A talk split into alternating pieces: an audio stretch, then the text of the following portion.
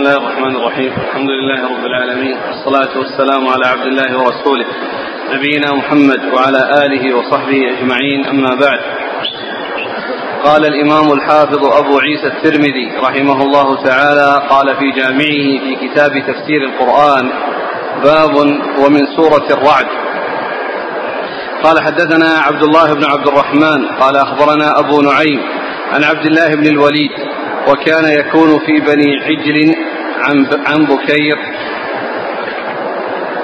عن بكير بن شهاب عن سعيد بن جبير عن ابن عباس رضي الله عنهما أنه قال أقبلت يهود إلى النبي صلى الله عليه وعلى آله وسلم فقالوا يا أبا القاسم أخبرنا عن الرعد ما هو؟ قال ملك من الملائكة موكل بالسحاب معه مخاريق من نار يسوق بها السحاب حيث شاء الله. فقالوا فما هذا الصوت الذي نسمع؟ قال زجره بالسحاب إذا زجره حتى ينتهي إلى حيث أمر. قالوا صدقت فأخبرنا عما حرم إسرائيل على نفسه. قال اشتكى عرق النساء فلما فلم يجد شيئا. عرق النساء قال اشتكى عرق النسى فلم يجد شيئا يلائمه إلا لحوم الإبل وألبانها فلذلك حرمها. قالوا صدقت. قال هذا حديث حسن غريب. بسم الله الرحمن الرحيم. الحمد لله رب العالمين وصلى الله وسلم وبارك على عبده ورسوله نبينا محمد وعلى آله وأصحابه أجمعين. أما بعد فهذا الحديث أورده الإمام الترمذي رحمه الله في تفسير سورة الرعد لأنه يتعلق بهذه بآية بالآية في سورة الرعد. آه، وهذا الحديث عن ابن عباس رضي الله تعالى عنهما أن النبي صلى الله عليه وسلم سأله اليهود عن عن عن الرعد فقال إنه ملك موكل بالسحاب وقالوا ما هذا الصوت الذي نسمعه؟ قال هذا زجره للسحاب آه، يسوقه حيث أمر الله عز وجل أن آه، ينزل فيه المطر أو المكان الذي ينزل فيه المطر فيسقيه. وسألوه عن عن الذي حرم إسرائيل على نفسه فقال إنه لحم الإبل. والحديث يتعلق الذي يتعلق بالترجمه والموضوع هو القسم الأول ما يتعلق منه. وأما ما يتعلق بالثاني فإنه يتعلق بسورة آل عمران. كل طعام كان حلا لبني إسرائيل لما حرم إسرائيل على نفسه قبل أن تنزل التوراة.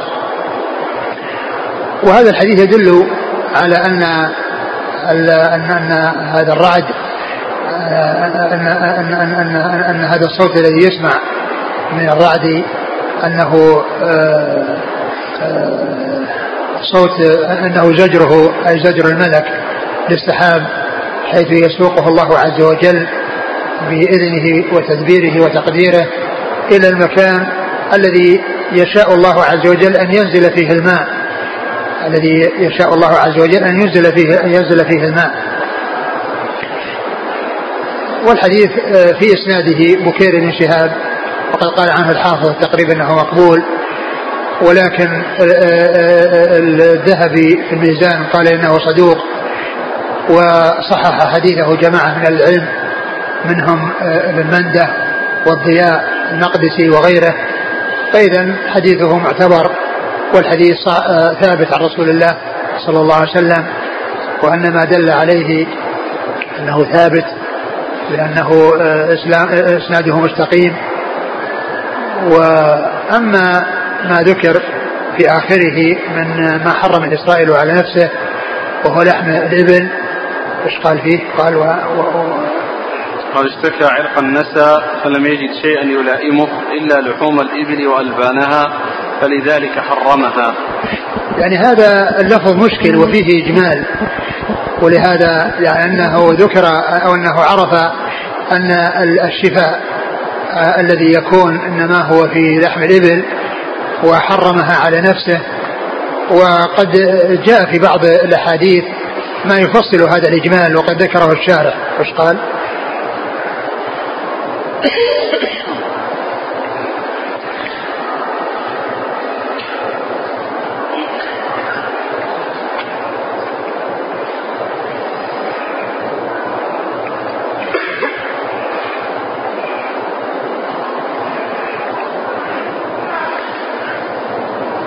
قال فلم يجد شيئا أي من المأكولات والمشروبات يلائمه أن يوافقه. حرمها أي لحوم الإبل وألبانها. وفي رواية الترمذي هذه إجمال. توضحه رواية أحمد من طريق هاشم بن القاسم. عن عبد الحميد عن شهر عن ابن عباس رضي الله عنهما قال حضرت عصابة من اليهود نبي الله صلى الله عليه وسلم فقالوا حدثنا عن خلال نسألك عنهن لا يعلمهن إلا نبي. الحديث. وفيه فقال أنشدكم بالذي أنزل التوراة على موسى. هل تعلمون أن إسرائيل مرض مرضا شديدا وطال سقمه؟ فنذر لله نذرا. لئن شفاه الله من سقمه ليحرمن أحب الطعام والشراب إليه. وكان أحب الطعام إليه لحم الإبل وأحب الشراب إليه ألبانها. فقالوا اللهم نعم. نعم هذا يبين ال يعني التحريم أو وجه التحريم لهذا النوع من الطعام الذي هو لحم الإبل. وذلك أنه نذر إن شفاه الله عز وجل أن يعني يمنع نفسه أو يحرم نفسه من أحب الطعام إليه. وكان أحب إليه الطعام من الطعام لحوم الإبل ومن الشراب ألبانها. فهذا هو الذي حرمه على نفسه.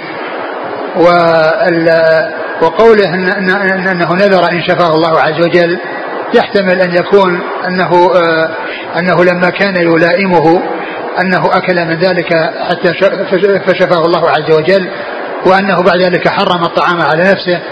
ويحتمل أن يكون أن يكون شفي من غير أن يستعمل يعني ذلك ولكنه حرم هذا الذي هو أحب الطعام إلى نفسه. فالحاصل أن اللفظ عند الترمذي فيه إجمال. وغير واضح ولا يستقيم معه الكلام. لا يستقيم معه الكلام.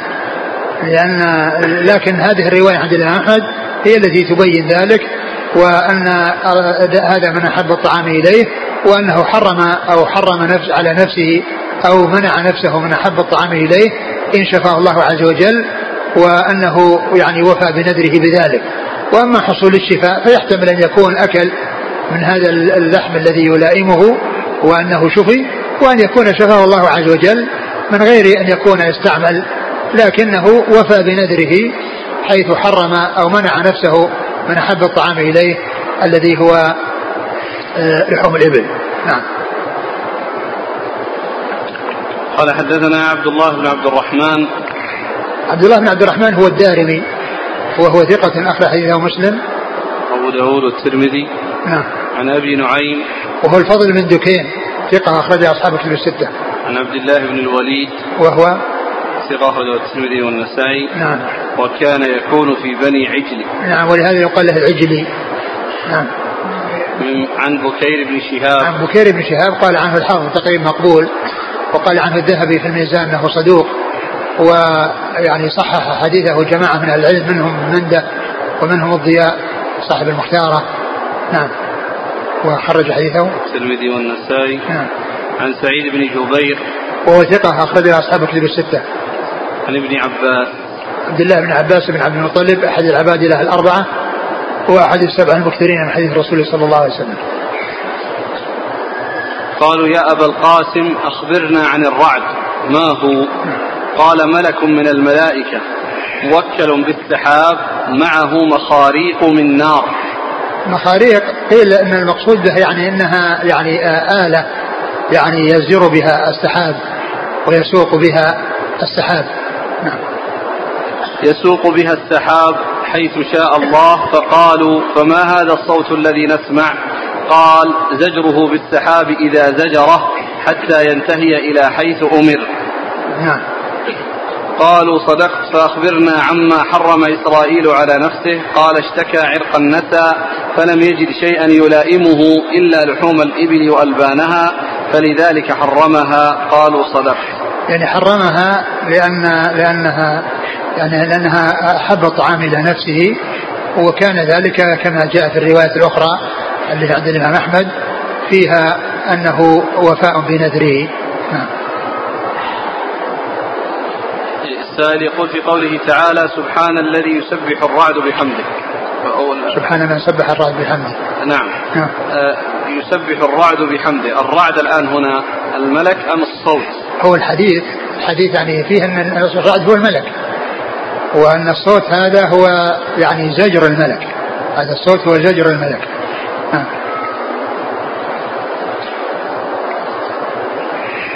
وعلى هذا يعني يكون والملائكة من عطف العام على الخاص. سواء الرعد بحمده والملائكة من خيفته يعني حيث أنه من أنه ملك وهذا ذكر الملائكة وهو ملك فيكون من عطف العام على الخاص. إذا إيش الصوت هذا الناتج إيش يسمى؟ الصوت هذا هو هو يقال له الرعد لكنه هو نتيجة زجر الملك الذي هو الرعد.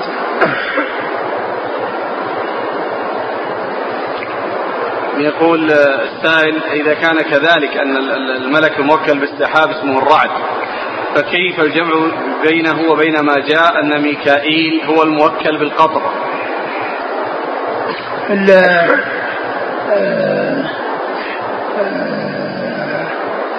قضية ال ال يعني هل يكون يعني يعني ميكائيل الذي يمكن بالقطر هو يعني هذا الملك أو أو غيره. الله تعالى أعلم. قد يكون هو وقد يكون غيره. يقول أحسن الله إليكم النور الذي نراه ويسمى البرق. هل هو الصوت أم أثر الصوت؟ لا يعني هو جاء في بعض الروايات أنه أثر الصوت. أثر. نعم. هل يستفاد من حديث ثبوت اسم أحد الملائكة وأن اسمه الرعد. نعم نعم. ما يقوله بعض الباحثين أن الرعد ينشأ عن شحنات كهربائية. هذه أمور غيبية. يعني آآ آه، آآ آه، والغيب يعني كما هو معلوم يعتمد فيه على ما جاء بالوحي والوحي جاء بأن هذا هو المعتبر. وهو أنه اسم ملك وأنه يجر السحاب وأن ما يسمع هو صوته. نعم. يعني صوت زجره نعم. يقول جاء في أثر في الأدب المفرد البخاري حسنه الشيخ الألباني رحمه الله أن الرعد ملك ينعق ينعق بالسحاب كما ينعق الراعي بغنمه. وجاء في أثر آخر أن الصحابة كانوا يقولون عند سماع الرعد سبحان الذي سبحت له. ألا يدل ذلك على أن الصوت صوت الملك؟ الله أعلم. والحديث الذي راح يعني يدل على أن أن, أن صوت زجره أن هذا زجره. وأما هذا الأثر يعني ما أدري يعني وش وش هل مرفوع أو موقوف وهل صحيح أو غير صحيح لا أدري. وهذا يقول هل هناك دعاء عند سماع صوت الرعد ما في إلا يعني كل إنسان يقول يعني ما جاء في القران سبحانه من سبح الرعد بحمده والملائكة من خيفته. هل يجوز تحريم شيء على النفس في هذه الشريعة كما حرم إسرائيل على نفسه؟ آه الرسول صلى الله عليه وسلم لما يعني آه حرم على نفسه الذي جاء في سورة التحريم يعني وهو ما يعني يكون مقصود به يعني العسل أو المقصود به يعني يعني جاريته. يعني الله عز وجل أمره بأن يكفر عن يمينه وأن واعتبر ذلك يمينا يكفر. وياتي الإنسان الشيء الذي منعه من نفسه. هل حرمت الإبل بعد ذلك على جميع بني إسرائيل أم التحريم مختص بإسرائيل عليه السلام؟ آه، جاء في القرآن يعني أن أن يعني حرم عليهم أشياء منها. يعني كما جاء في القرآن والذين حرم كل ذي ظفر ومن الإبل والبقر وما شحومهما إلا ما حمل ظهورهما أو الحوايا أو ما اختلط بعظم. فائدة عن عرق النسا من صحيح الطب النبوي لابن القيم تهذيب وتحقيق الشيخ سليم الهلالي قال وجع يبتدئ من مفصل الورك وينزل من خلف على الفخذ وربما على امتداد الكعب وكلما طالت مدته زاد نزوله وتهزل معه الرجل والفخذ. قال صلى الله عليه وسلم دواء عرق النسى ألية شاة أعرابية تذاب ثم تجزأ ثلاثة أجزاء. ثم يشرب على الريق في كل يوم جزء رواه ابن ماجه والحاكم وصححه على شرط الشيخين ووافقه الذهبي والألباني نعم. وهو في السلسلة الصحيحة. وفي الحديث معنى لغوي ومعنى طبي اللغوي دليل على جواز تسمية هذا المرض بعرق النسى خلافا لمن منع هذه التسمية وقال النسى هو العرق نفسه فيكون من باب إضافة الشيء إلى نفسه وهو ممتنع وجوابه من وجهين أحدهما أن العرق أعم من النسى فهو من باب إضافة العام إلى الخاص نحو كل الدراهم أو بعضها. فالثاني أن النسى هو المرض الحال بالعرق والإضافة فيه من باب إضافة الشيء إلى محله وموضعه. وقيل سمي بذلك لأن ألمه ينسي ما سواه. وهذا العرق ممتد من مفصل الورك وينتهي إلى آخر القدم وراء الكعب ومن الجانب قالوا من الجانب الوحشي فيما بين عضد الساق والوتر. قال بالهامش كذلك عرق النسى عصب يمتد من الورك إلى الكعب وهو مرض يصيب النساء والرجال على السواء وآلامه مفرطة تبتدئ غالبا في أسفل العمود الفقري ويمتد الألم إلى إحدى الإليتين ثم إلى الجزء الخلفي من الفخذ وأحيانا حتى الكعب. وينتج غالبا من انفصال من انفصال غضروفي بأسفل العمود الفقري أو التهاب روماتيزمي بالعصب الإنسي وعلاجه الأساسي الراحة التامة على الظهر لمدة خمسة عشر يوما على الأقل مع إعطاء مهدئات للألم. قال والحجامة الجافة ولكن أحيانا يساعد على علاجه. لكن الحديث فيه الذي ذكره. عن ابن ماجه لأنه يعني أنها ألية الشاة أو يعني يعني طرف ألية الشاة أو إيش اللي سماه يعني فيها كيف شيخ؟ إيش هو من الشاة الذي قال في الحديث؟ أي ألية شاة أعرابية آه. تذاب تجزأ ثلاث أجزاء نعم. تشرب على الريق في كل يوم جزء نعم.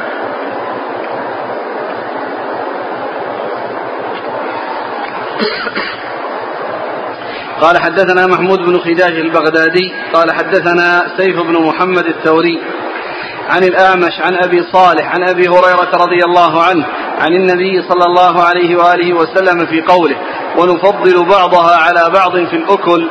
قال الدقل والفارسي والحلو والحامض. قال هذا حديث حسن غريب. وقد رواه زيد بن أبي أنيسة عن الأعمش نحو هذا. وسيف بن محمد هو أخو عمار بن محمد وعمار أثبت منه وهو ابن أخت سفيان الثوري.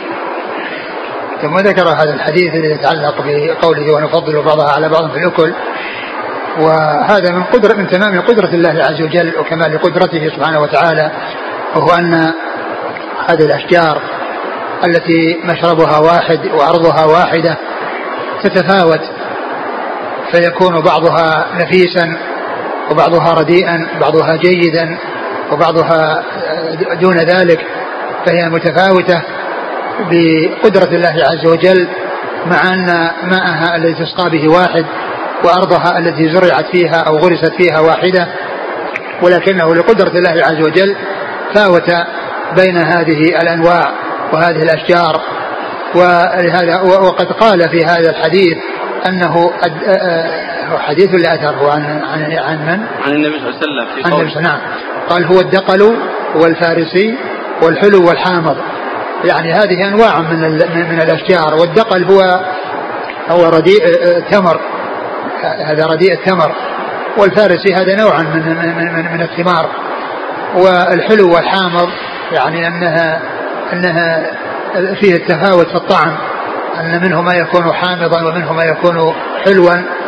والله عز وجل مع اتفاقها في المشرب وفي المنبت آه، يميز بينها فيجعل بعضها يكون حلوا وبعضها يكون حامضا وبعضها يكون آه، رديئا وبعضها يكون جيدا وهكذا. نعم. قال حدثنا محمود بن خجاش البغدادي. هو؟ صدوق وجرى الترمذي والنسائي في مسند علي وابن ماجه. نعم. عن سيف بن محمد الثوري. سيف بن محمد كذبوه. قال حافظ تقريب كذبوه. أخرج له. الترمذي. نعم. عن الأعمش. الأعمش سليمان بن مهران الكاهلي. ثقة أخرج أصحابه في الستة. عن أبي صالح. أبو صالح ذكوان السمان. ثقة أخرج أصحابه في الستة. عن أبي هريرة. عن أبي هريرة عبد الرحمن بن صخر الدوسي رضي الله عنه كثير صحابي حديثا لكن هذا الإسناد الذي جاء من طريق من وصف بأنهم كذبوه آه، جاء من طريق زيد بن أبي أنيسة وهو ثقة كما ذكره الترمذي لأنه قال أنه ذكر الطريقة الثانية وأنه رواه فيكون يعني آه، العمدة والاعتبار برواية زيد بن أبي أنيسة الذي هو ثقة نعم.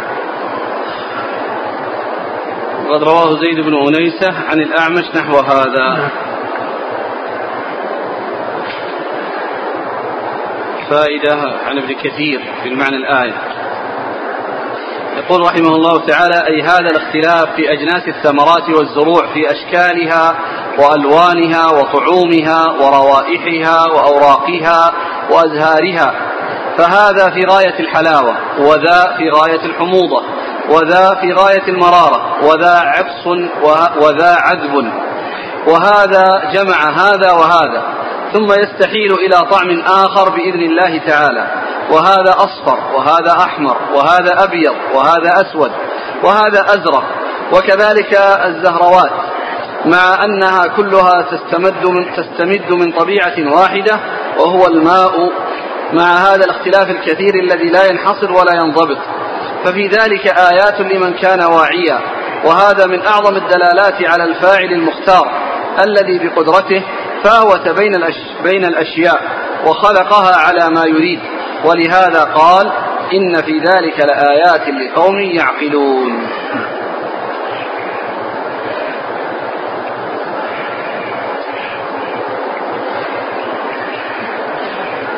قال رحمه الله تعالى باب ومن سورة إبراهيم عليه السلام. قال حدثنا عبد بن حميد قال حدثنا أبو الوليد قال حدثنا حماد بن سلمة عن شعيب بن الحبحاب. عن أنس بن مالك رضي الله عنه أنه قال أتي رسول الله صلى الله عليه وعلى آله وسلم بقناع عليه رطب.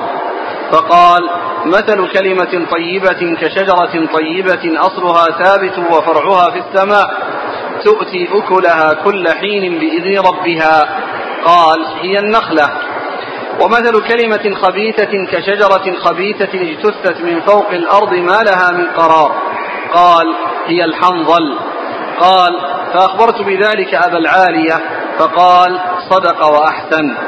قال حدثنا قتيبة قال حدثنا أبو بكر بن شعيب بن الحبحاب عن أبي عن أنس بن مالك رضي الله عنه نحوه بمعناه ولم يرفعه ولم يذكر قول أبي العالية وهذا أصح من حديث حماد بن سلمة. وروى غير واحد مثل هذا موقوفا ولا نعلم أحدا رفعه غير حماد بن سلمة. ورواه معمر وحماد بن زيد وغير واحد ولم يرفعوه. قال حدثنا أحمد بن عبدة الضبي قال حدثنا حماد بن زيد عن شعيب بن الحبحاب عن أنس نحو حديث قتيبة ولم يرفعه. ثم ورد أبو, أبو عيسى رحمه الله هذا الحديث المتعلق بسورة إبراهيم في قول الله عز وجل آه وضرب الله مثلا كلمة طيبة كلمة طيبة أصلها ثابت وفرغها في السماء. وقال إن أن هذه هي النخلة. وكذلك أيضا في الشجرة التي اجتثت فوق ما لها من قرار أنها الحنظلة التي هذه طعمها يعني حلو وهذه طعمها في غاية المرارة. والحديث ذكره المصنف من طرق متعددة من طريق عن حماد بن سلمة وهي مرفوعة للرسول صلى الله عليه وسلم ومن طرق متعددة فيها مخالفة غيره له. وذلك بوقفه وعدم رفعه إلى الرسول صلى الله عليه وسلم. فيكون ال ال آه، أكثر الرواة الذين رووا الحديث والأثر جعلوه موقوفا ولم يرفعوه إلى رسول الله صلى الله عليه وسلم. وحماد بن سلمة هو الذي رفعه. ولهذا الشيخ ناصر رحمه الله قال إنه ضعيف مرفوعا وصحيح موقوفا. يعني فيكون آآ آآ من قبيل مخالفة الثقة لمن هو أوثق منه. نعم. قال حدثنا عبد بن حميد. هو ثقة أخرج له. البخاري تعليقا ومسلم والترمذي. نعم. عن أبي الوليد. وهو الطيالسي. وهو ثقة أخرج له. أصحاب الكتب. نعم. عن حماد بن سلمة. ثقة أخرجه البخاري تعليقا ومسلم وأصحاب السنن عن شعيب بن الحبحاب. وهو ثقة أخرج له. أصحاب الكتب الا ابن ماجه. نعم. عن أنس بن مالك. خادم رسول الله صلى الله عليه وسلم واحد السبع المكثرين من حديثه. ورواه. كيف بعده ورواه قال فأخبرت بذلك أبا العالية فقال صدق. العالية هو هو رفيع الرياحي. أخرج حديث أصحاب الكتب الستة. قال حدثنا قتيبة قتيبة بن سعيد ثقة أخرج أصحاب الكتب الستة. عن أبي بكر بن شعيب بن الحبحاب وهو ثقة أخرج له. مسلم الترمذي عن أبيه عن أنس. نعم. قال ورواه معمر. معمر بن راشد ثقة أخرج أصحاب الكتب الستة. وحماد بن زيد. محمد بن زيد ثقة أخرج أصحاب الكتب الستة. قال حدثنا أحمد بن عبدة الضبي. هو ثقة أخرج له. مسلم وأصحاب السنة. نعم. عن نفسه حماد بن زيد عن شعيب بن الحبحاب عن نعم أنس. نعم.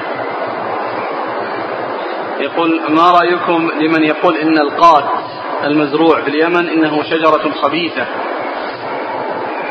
وهو وهو شجرة خبيثة. وهو شجرة خبيثة. كلام صحيح.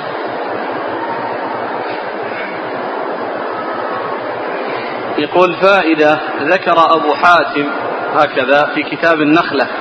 أن النخلة لا يمكن أن تنبت إلا في أرض إسلامية. في إيش؟ في أرض إسلامية؟ آه. وهذا يدل على طيبها. يعني ال- أقول هالكلام هذا نادر عن استقامته. لأن كما هو معلوم ال- ال- النخل يعني ي- ينبت في الأماكن التي يعني شاء الله عز وجل أن ينبت فيها وسواء كان يعني غرس ذلك كفار أو مسلمون.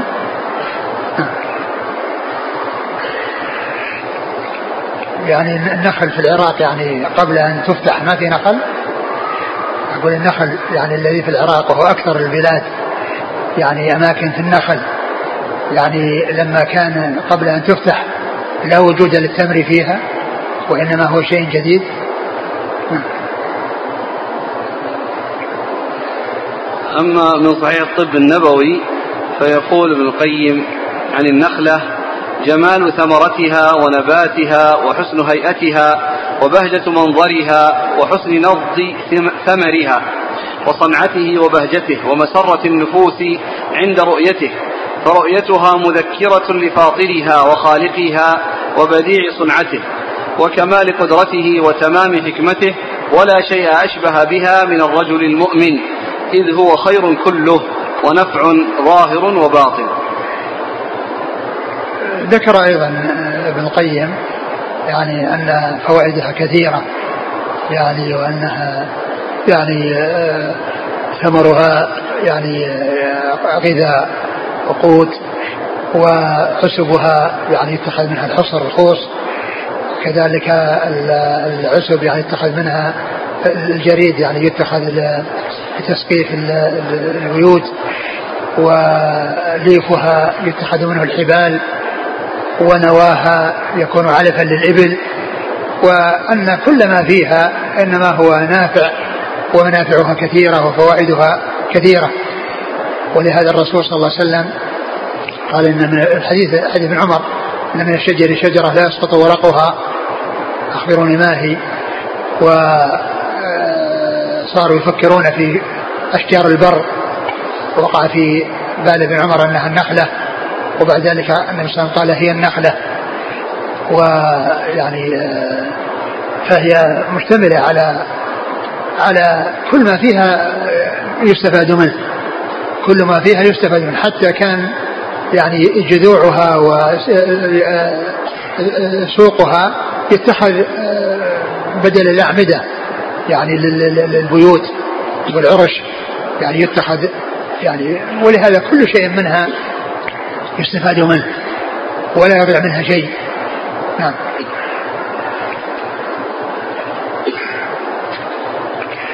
قال حدثنا محمود بن غيلان. أما الحديث الذي ورد أكرموا عمتكم النخلة فإنها خلقت من الطين الذي خلق منه أبوكم فهذا غير صحيح.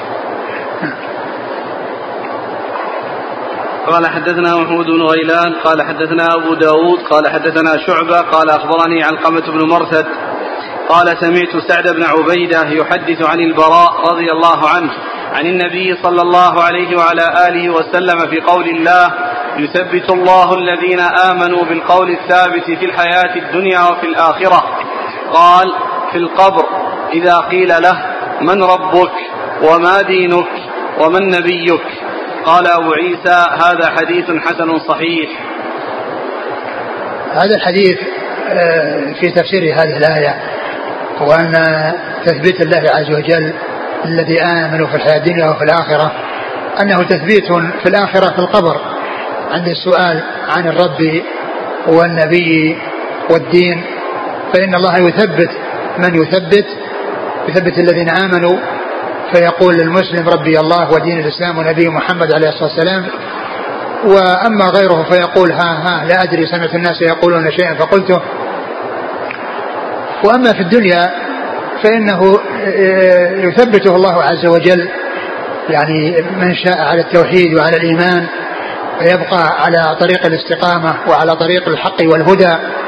وإذا مات وسئل في قبره فإنه يثبت في الجواب على هذا السؤال وهو السؤال عن الرب والنبي والدين.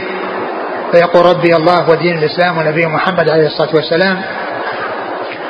وهذه الأمور الثلاثة التي جاءت في سؤال القبر هي التي ألف الشيخ محمد بن الوهاب رحمة الله عليه كتابه الأصول الثلاثة وأدلتها. فإنها رسالة قيمة مفيدة تتعلق بالأمور التي يسأل عنها في القبر وهي معرفة الرب والنبي والدين.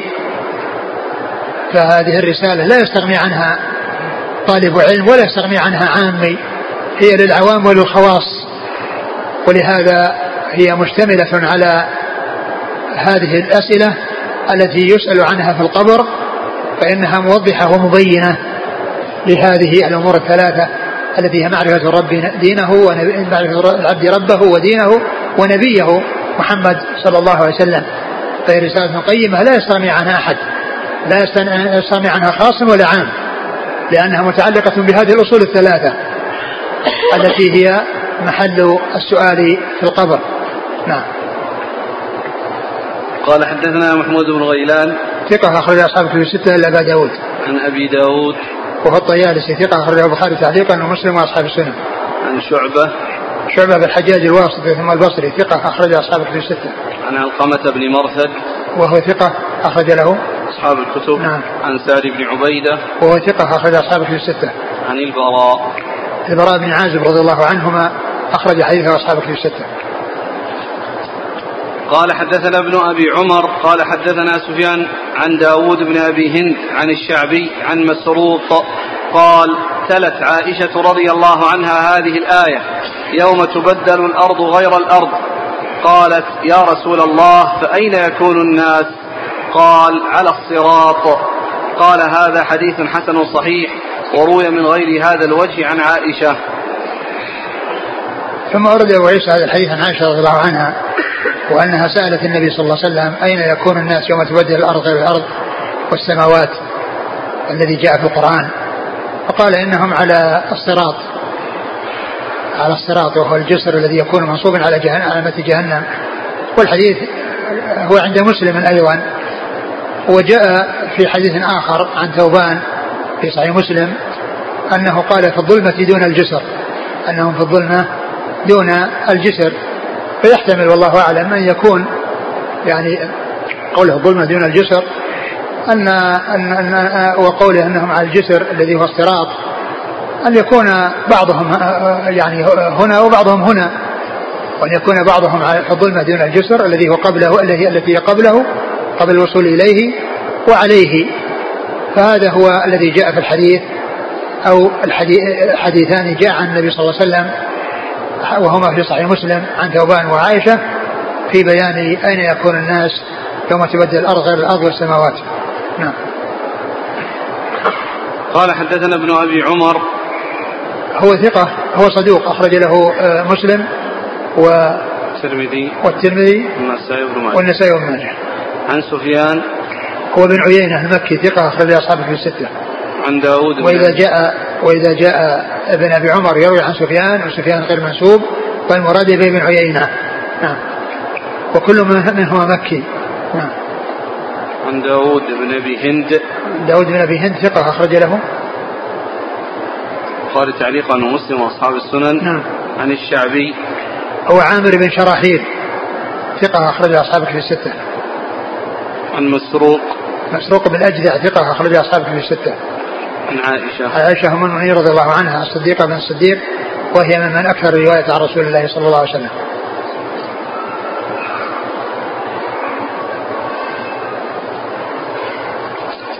يقول كيف الجمع بين هذا وحديث مرور الناس على قدر أعمالهم؟ إذ منهم من يمر كلمح البصر. أقول ما يمنع لأنه يعني آه، آه، كون الناس آه، يعني عليه وعلى الظلمة التي هي أو المكان الذي دون الجسر يعني ما ما ما, ما ينافيه لأنه يعني الناس يمرون عليه يمرون عليه ويعني وفيهم من هو عليه وفيهم من هو دونه الذي هو في الظلمة دون الجسر.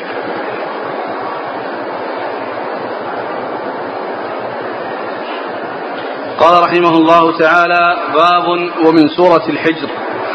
قال حدثنا قتيبة قال حدثنا نوح بن قيس الحداني عن عمرو بن مالك عن أبي الجوزاء عن ابن عباس رضي الله عنهما أنه قال كانت امرأة تصلي خلف رسول الله صلى الله عليه وآله وسلم حسناء من أحسن الناس فكان بعض القوم يتقدم حتى يكون في الصف الأول لئلا يراها ويستأخر بعضهم حتى يكون في الصف المؤخر فإذا ركع نظر من تحت إبطيه. فأنزل الله ولقد علمنا المستقدمين منكم ولقد علمنا المستأخرين قال أبو عيسى وروى جعفر بن سليمان هذا الحديث عن عمرو بن مالك عن أبي الجوزاء نحوه ولم يذكر فيه عن ابن عباس وهذا أشبه أن يكون أصح من حديث نوح ثم ورد أبو عيسى هذا الحديث ثم ذكر الترمذي رحمه الله الأحاديث المتعلقة بسورة الحجر وأول هذا الحديث متعلق بقوله ولقد علم المستقيمين منكم ولقد علم المستأخرين. وذكر أنها تتعلق بالصفوف في الصلاة وهو المتقدمون في الصفوف والمتأخرون. وقد جاء في الحديث عن النبي صلى الله عليه وسلم في كما في صحيح مسلم عن أبي هريرة خير صفوف الرجال أولها وشرها آخرها خير صفوف النساء آخرها وشرها أولها. وذكر في هذا الحديث أن امرأة حسنة كانت تأتي وتصلي في أوائل الصفوف النساء وأن الصحابة وأن الذين يصلون مع النبي صلى الله عليه وسلم فيهم من يتقدم في أوائل الصفوف ويحصل الأجر والثواب ويبتعد عن القرب من النساء فيكون في خير الصفوف ومنهم من يتأخر فيكون في شرها فيكون شر الصفوف للرجال قريب من شر الصفوف للنساء.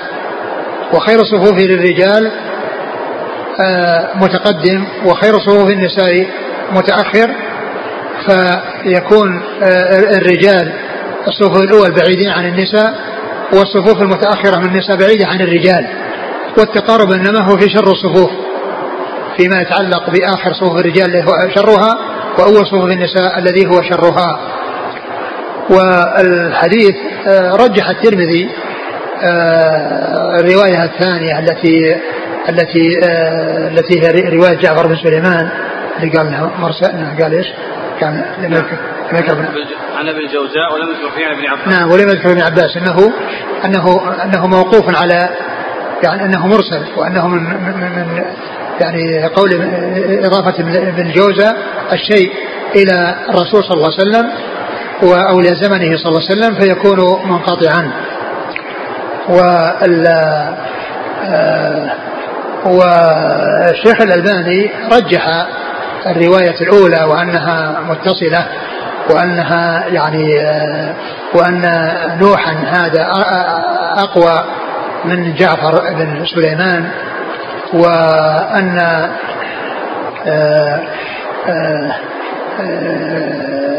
آه، آه، آه، وأن أنه يحتمل أن يكون هذا الذي حصل منهم يعني بعض المنافقين الذين يأتون إلى الصلاة وهم كسالى يراؤون الناس فيحرصون على أواخر الصفوف وينظروا إلى النساء.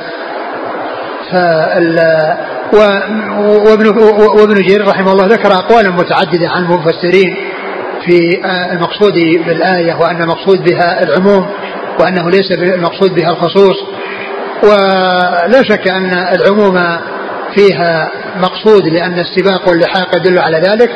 ولكن إذا صح الحديث فإنه لا يمنع أن يكون محمولا على العموم ويدخل هذا الخصوص الذي هو آه، ما يتعلق بالصلاة من ضمنه. فلا يكون الأمر مقصورا عليه وإنما يكون الأمر يشمله ويشمل غيره. فيكون المقصود بذلك الأمم السابقة والأمم اللاحقة والمتقدمة والأمم المتأخرة وأن كلهم الله سبحانه وتعالى علم المتقدم وعلم المتأخر وأنه سبحانه وتعالى يحشر الناس جميعا ويجازيهم فالسباق واللحاق فيه دلاله على العموم. لكن إذا ثبت الحديث فإنه لا يمنع أن يكون يعني هذا من أفراده ومن جملة ما يندرج تحته لكن لا يعني ذلك أن يكون خاصا به. وأن غيره لا يصلح أن يدخل بل العموم آه، معتبر والخصوص الذي إذا ثبت فإنه يكون مندرجا تحت هذا العموم ويكون الآية تشمل هذا وهذا وهذا. نعم. قال حدثنا قتيبة عن نوح بن قيس الحداني. هو صدوق أخرج له. مسلم وأصحاب السنن. نعم. عن عمرو بن مالك. وهو النكري وهو صدوق له أوهام أخرجه نعم. البخاري في خلق أفعال العباد وأصحاب السنن. نعم. عن أبي الجوزاء وهو أوس بن عبد الله ثقة أخرجه أصحاب الكتب. نعم. عن ابن عباس. نعم. وروى جعفر بن سليمان. هو صدوق. أخرجه البخاري المفرد ومسلم وأصحاب السنن. نعم. عن عمرو بن مالك عن أبي الجوزاء. ولم يذكر فيه ابن عباس. يعني مرسل. نعم. الحديث كأن الإخوة أكثروا علي من السؤال فيه في أن فيه دلالة على أن كشف الوجه جائز آه، آه، قد يكون هذا قبل الحجاب قد يكون هذا يعني قبل الحجاب لما كانت تصلي لي ها؟ كيف تصلي؟ يعني وجه كيف تصلي؟ المرأة؟ أي يعني معنى النساء كما هو معلوم يعني يكشفن وجوههن فإذا كان يعني مقصد الحسن وأنه ينظر إليها يعني ينظر إلى حسنها. ومعنى ذلك أنها تكون كاشفة وجهها. ولكن المرأة تغطي وجهها عند الرجال الأجانب. وإذا لم يكن هناك رجال يرونها فإنها تكشف وجهها. تكشف وجهها. لكن كونها يعني ينظرون إليها يمكن يكون ذلك قبل الحجاب. وهذا يقول عندي إشكال. إذا ركع نظر من تحت إبطيه فإذا كان راكعا كذلك المرأة تكون راكعة. فكيف ينظر إليه؟ لا يمكن يمكن والله أعلم أنه يعني أنه يعني يبادر بالركوع فيراها قبل أن تركع.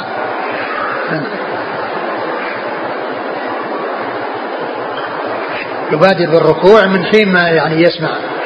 يعني ف وهي تتأخر في الركوع فيكون يحصل هذا الشيء هل يدل هذا الحديث على عدم مشروعية فصل النساء تمام الفصل لعدم عزل النبي صلى الله عليه وسلم لهن في مصلى خاص مع ظهور بوادر الفتنة؟ آه كما هو معلوم في ذاك الوقت في ذاك الوقت يعني النساء الصحابة من خير النساء وكان آه والمسجد آه، قصير صغير ويعني آه، الرسول صلى الله عليه وسلم ينتظر حتى تخرج النساء. ولا يحصل الاختلاط بين الرجال والنساء. والرسول صلى الله عليه وسلم رغب في صلاتهن في بيوتهن ونهى عن منعهن من الذهاب إلى المسجد اذا يعني لم يحصل منهن آه، شيء لا تحمد عقباه كالتزين وكالتطيب وما إلى ذلك. فال ف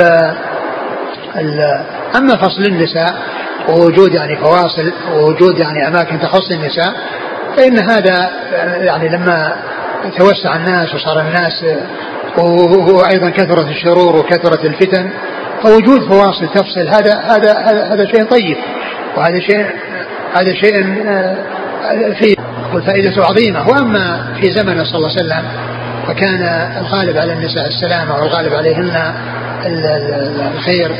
وإن وجد فيهن من يكون يعني كذلك يعني من يكون خلاف ذلك يعني كما جاء في هذه القصة التي فيها المرأة الحسنة التي تتقدم وأن بعض الناس يرونه وقد يكون من المنافقين وليسوا من أصحاب الرسول صلى الله عليه وسلم الذين يخشون الله ويتقونه نعم. إذا وجد الفاصل فهل ينطبق الحديث أن شر صدور الرجال آخرها؟ لا لا إذا وجدت الفواصل فإن تقدم النساء آه، تقدمنا المحذور الذي آه، آه، جاء في الحديث قد زال لأن ما في رؤية بين الرجال والنساء.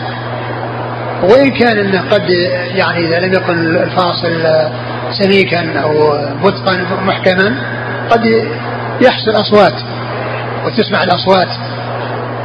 ف يعني إذا كان الأمر كذلك والحالة فإن البعد عن المكان الذي تسمع فيه الأصوات بين الرجال والنساء لا شك أن هذا مطلوب ولكن إذا كان محكم كأن يكون جدارا وأنه لا يسمع. فهذا لا شك أن أن المرأة إذا جاءت تتقدم ولا تكون في آخر الصف لأن المحذور قد زاد. يقول رأينا بعض المساجد قد بنيت قد بني بجانبها مسجد آخر وهو بعض, بعض المفتين من أصحاب الصحف في هذه الأيام يعني يقول أن يعني يقول أن هذه الحواجز أنها يعني أنها غير صحيحة بل من يعني من بعض الناس من يقول إنها بدعة وأن هذه من البدع مع أن من يقول ذلك منغمس في أنواع البدع ولكنه ما رأى من البدع إلا هذا الفاصل الذي يكون بين الرجال والنساء مع أنه مغرق في التصوف و يعني يحارب أهل السنة والجماعة ويعتبر أن وجود هذه الفواصل بدعه وفي الأيام القريبة بعض المفتين من الصحفيين يقول أن الصلاة لا تصح. يعني وراء هذه الحواجز. لا تصح أنها باطلة.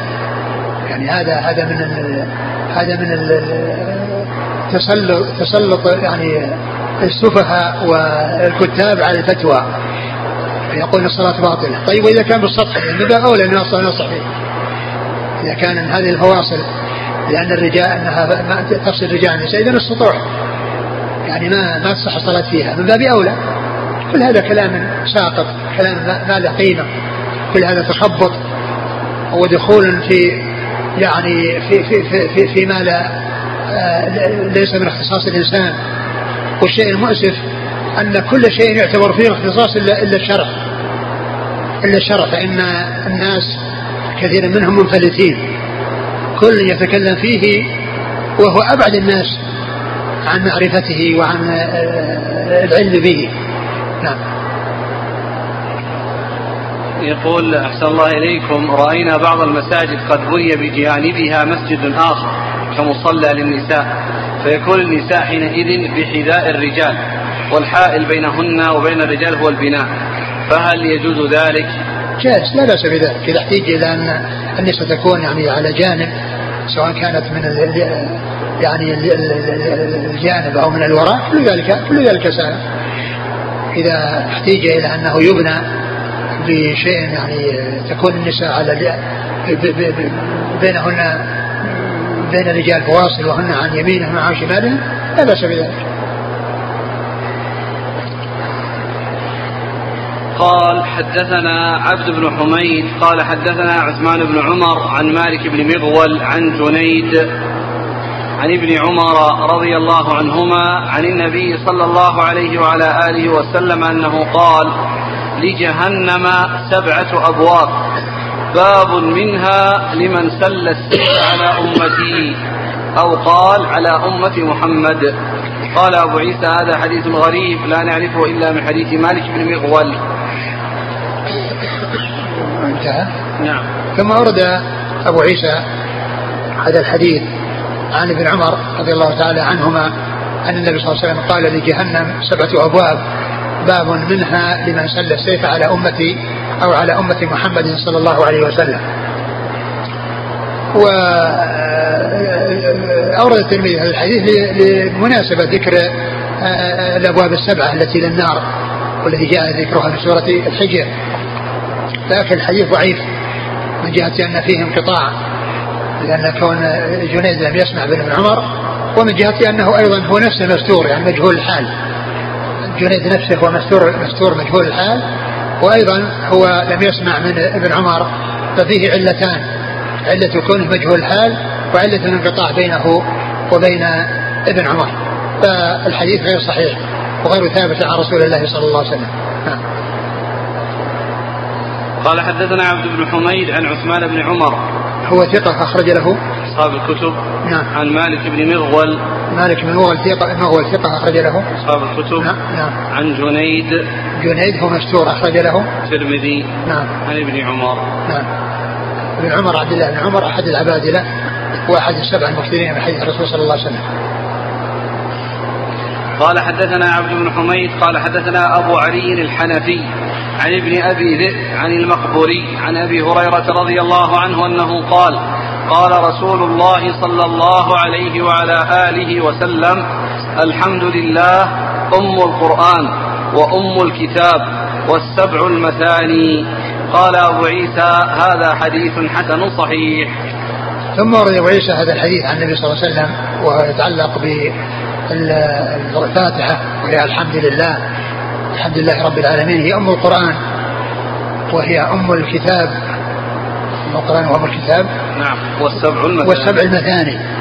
هي أم القرآن لأنها هي آه، التي آه، يبدأ فيها فيه وهي فاتحة الكتاب التي هي تكتب في آه، في في أول المصحف وكذلك تفتتح بها الصلوات تفتتح بها الصلوات ويقرأ بها ويقرأ بعدها ما تيسر من القرآن. فهي أم القرآن وهي أم الكتاب فاتحة الكتاب وهي السبع المثاني يعني أنها سبع آيات وكلها مثاني لأنها تثنى وتكرر وتردد وذلك أنها في كل صلاة يؤتى بها في كل ركعة من ركعات الصلاة. يؤتى بها في ركعة من ركعات في كل ركعة من ركعات الصلاة سواء كانت فرضا أو نفلا. لا صلاة لمن لم يقرأ بفاتحة الكتاب. فهي تثنى وتكرر وتردد ويؤتى بها في كل ركعة من ركعات الصلاة. فلهذا يعني هي سبع هي السبع المثاني لأنها تردد وتكرر ويؤتى بها في كل ركعة من ركعات الصلاة. وهذا في تفسير قول الله عز وجل ولقد اتيناك سبعا مثاني القران العظيم. نعم. قال حدثنا عبد بن حميد عن أبي علي الحنفي. هو؟ صدوق لأصحاب الكتب. نعم. عن ابن أبي ذئب. وهو محمد بن عبد الرحمن بن إبراهيم بن أبي ذئب وهو ثقة أخرج اصحابه في الستة. عن المقبوري. والمقبري هو إما أن يكون سعيد بن أبي سعيد أو يعني أبو سعيد وكل منهما روى عن أبي هريرة. نعم. وكل منهما روى عن أبي هريرة.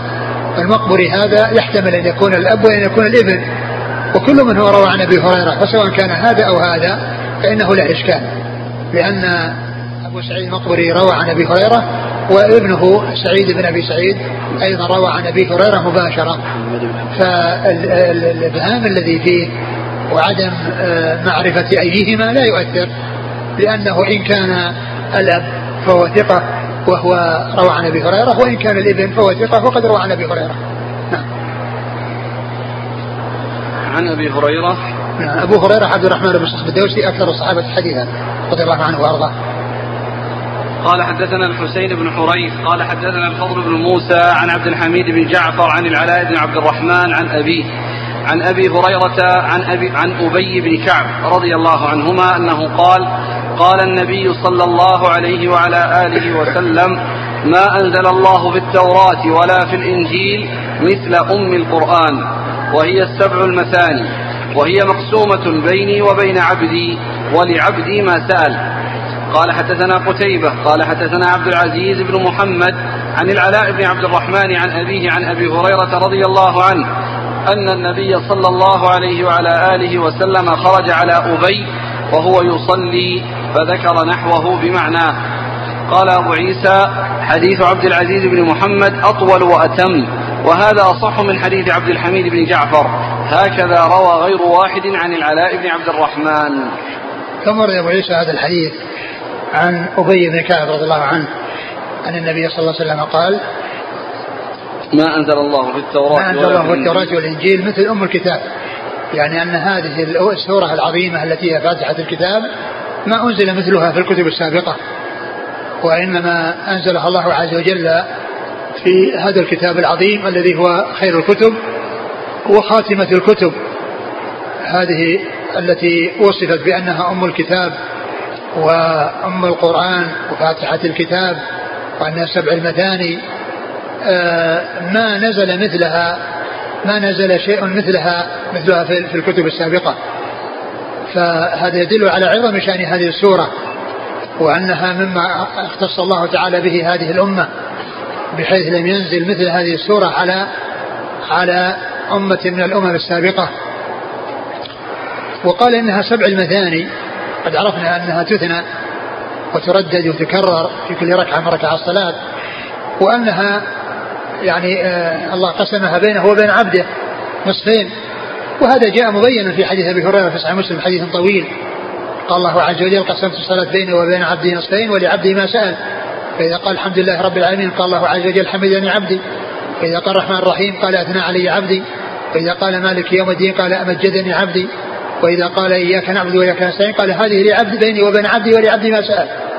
يعني هذه بيني وبين عبدي لأن أولها لله وآخرها للعبد وكلها عبادة لله عز وجل إلا أن الأولى إياك نعبد فهذا حق الله والعبادة والثاني الاستعانة وأن العبد يستعين بالله عز وجل على تحصيل ما يريده وما يحتاج إليه فإنه يفزع بذلك إلى الله فهي توحيد وأيضا فيها تحصيل الفوائد للعبد. ترجع إلى مصالحه في الدنيا والآخرة. ولهذا قال هذه بيني وبين عبدي. ولهذا الذي الذي لله هو الجزء الأول. هو متصل بما هو لله. وأما الذي للعبد فهو الثاني. إياك نعبد واياك نستعين. وهو متصل بالذي للعبد. لأن الذي بعد هدينا الصراط المستقيم صراط الذين أنعمت عليهم. هذا سؤال للعبد. فإذا صارت الفاتحة مقسومة نصفين. الآيات الثلاث الأول هي لله. والآيات الثلاث الأخيرة هي لله. وإياك نعبد وإياك نستعين الآية الوسطى نصفها الأول لله والنصف الثاني للعبد. فتكون وهذا على أن الآية السابعة هي غير المغضوب عليهم ولا الضالين.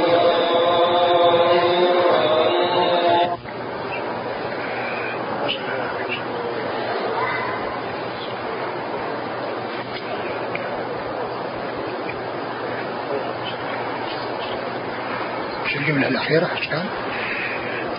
قال؟ والصلاة بينها وهي السبع المثاني ومقسومة بيني وبين عبدي ولعبدي ما سأل. مقسومة أي الفاتحة بيني وبين عبدي. وكما قلت أن الحديث الذي في صحيح مسلم وعن أبي هريرة مطول قسمت الصلاة هي القراءة بيني وبين عبدي. وهنا قال وهي مقسومة هي الفاتحة بيني وبين عبدي لأن نصفها الأول لله وينتهي الذي لله بقوله إياك نعبد. والذي للعبد يبدأ بقوله إياك نستعين. والآية الوسطى أولها لله وآخرها للعبد. وما كان لله متصلا بالآيات التي قبل ذلك وهي تتعلق بالله. وإياك نستعين متصلة بما بعدها وما يتعلق بما كان للعبد. وهنا قال قسمت بيني وبين عبدي أي السورة الفاتحة. وذاك الذي فصلها لحديث أبي هريرة بين كل ما هو لله عز وجل ثم قال إياك وإياك بيني وبين عبدي. يعني نصفها لي ونصفها لعبدي. وما بعدها هو للعبد وهو قوله اهدنا الصراط المستقيم صراط الذين أنعمت عليهم غير المغضوب عليهم ولا الضالين. نعم. قال حدثنا الحسين بن حريث. هو ثقة أخرج أصحابه في الستة إلا ابن ماجه نعم. نعم. عن الفضل بن موسى. وهو ثقة أخرج أصحاب كتب الستة. عن عبد الحميد بن جعفر. هو؟ صدوق ربما وهم. نعم. البخاري تعليقا ومسلم وأصحاب السنن. نعم. عن العلاء بن عبد الرحمن. وهو صدوق أخرجه البخاري تعليقا ومسلم وأصحاب السنة القراءة. في الجزء قراءة نعم. وأبوه؟ ثقة أخرج له. في القراءة. ومسلم وأصحاب السنن. نعم عن أبي هريرة عن أبي بن كعب. أبي بن كعب رضي الله عنه. أخرج حديث أصحاب كتب الستة. قال حدثنا قتيبة عن عبد العزيز بن محمد. عزيز محمد الدراوردي صديق أخرج أصحاب كتب الستة. قال حدثنا أحمد بن عبدة الضبي قال حدثنا معتمر بن سليمان عن ليث بن أبي سليم عن بشر عن أنس بن مالك رضي الله عنه عن النبي صلى الله عليه وعلى آله وسلم في قوله لنسألنهم أجمعين عما كانوا يعملون. قال عن قول لا إله إلا الله. قال أبو عيسى هذا حديث غريب إنما نعرفه من حديث ليث بن أبي سليم. وقد روى عبد الله بن إدريس عن ليث بن أبي سليم عن بشر عن أنس نحوه ولم يرفعه.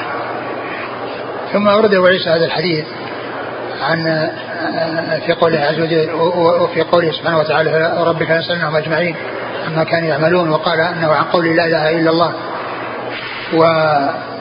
وهذا الحديث معلوم أنها يعني يسألون عما كانوا يعملون لا شك أن أول شيء يسأل عنه التوحيد ويعني يسأل الإنسان عن أعماله ويعني لكن الحديث في إسناده ليث بن أبي سليم وهو فيه ضعف وكذلك بشر الذي هو يروي عنه يعني يروي عن ليث أيضا فيه كلام. يروي.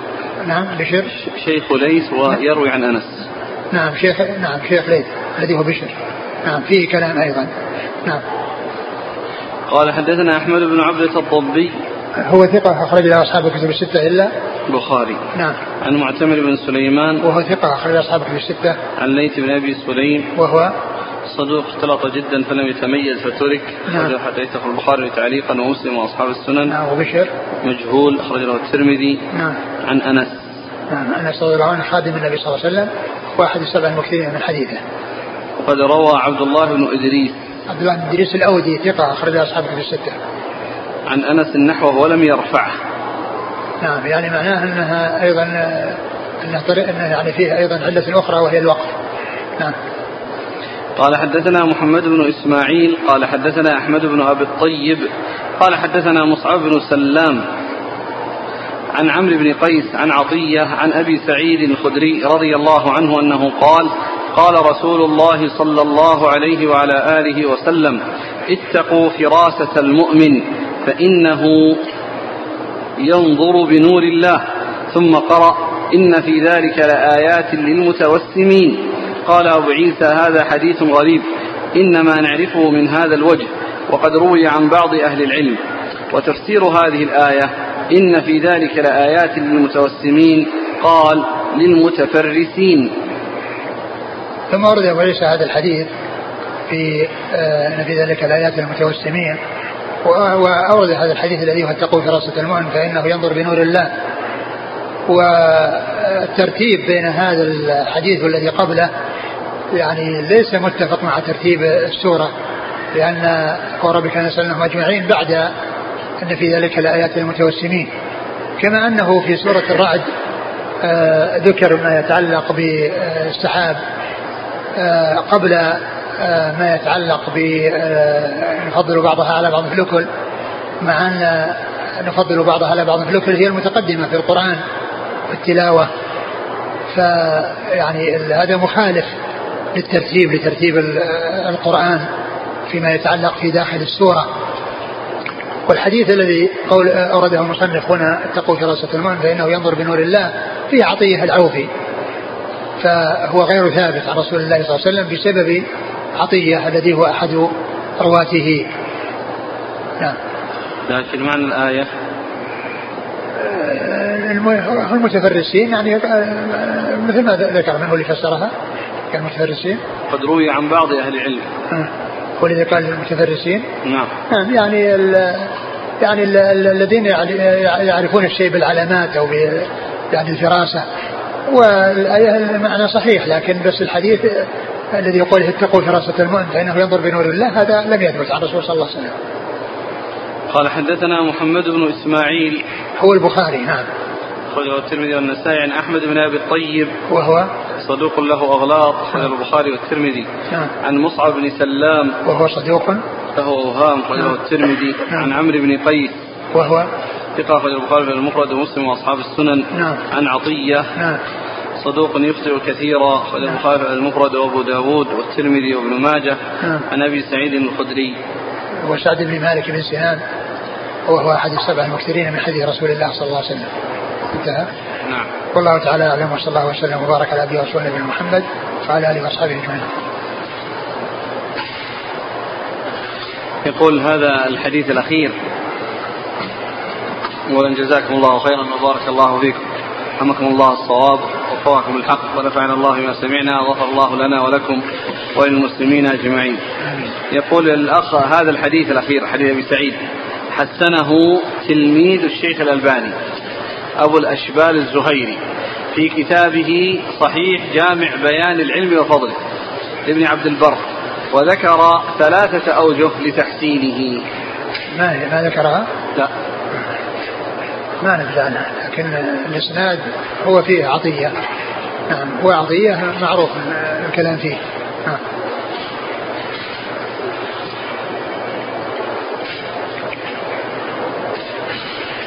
هذا الأخ يسأل عن صحة حديث.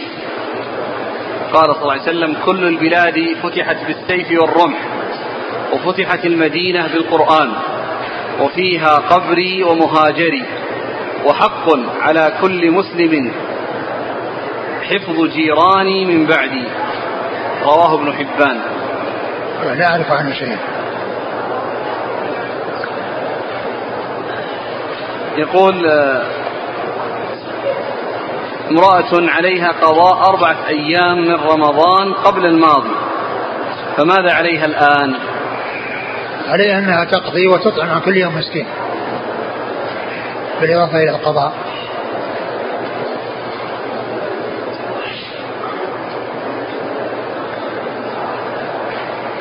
يقول ما هو حكم حديث للدعاء للفرط؟ اللهم اجعله لنا فرطا. يعني هو جاء في الحديث أنه يدعى لوالديه أنه يدعى لوالديه. ف يعني هو كونه يعني فرط لوالديه وهذا لا شك أن الأمر واضح أنه يعني كما شفع فيه افراطي لكن كونه يعني يشفع للمسلمين عموما ما أعرف له وجه. جزاكم الله خيرا. سبحانك اللهم وبحمدك.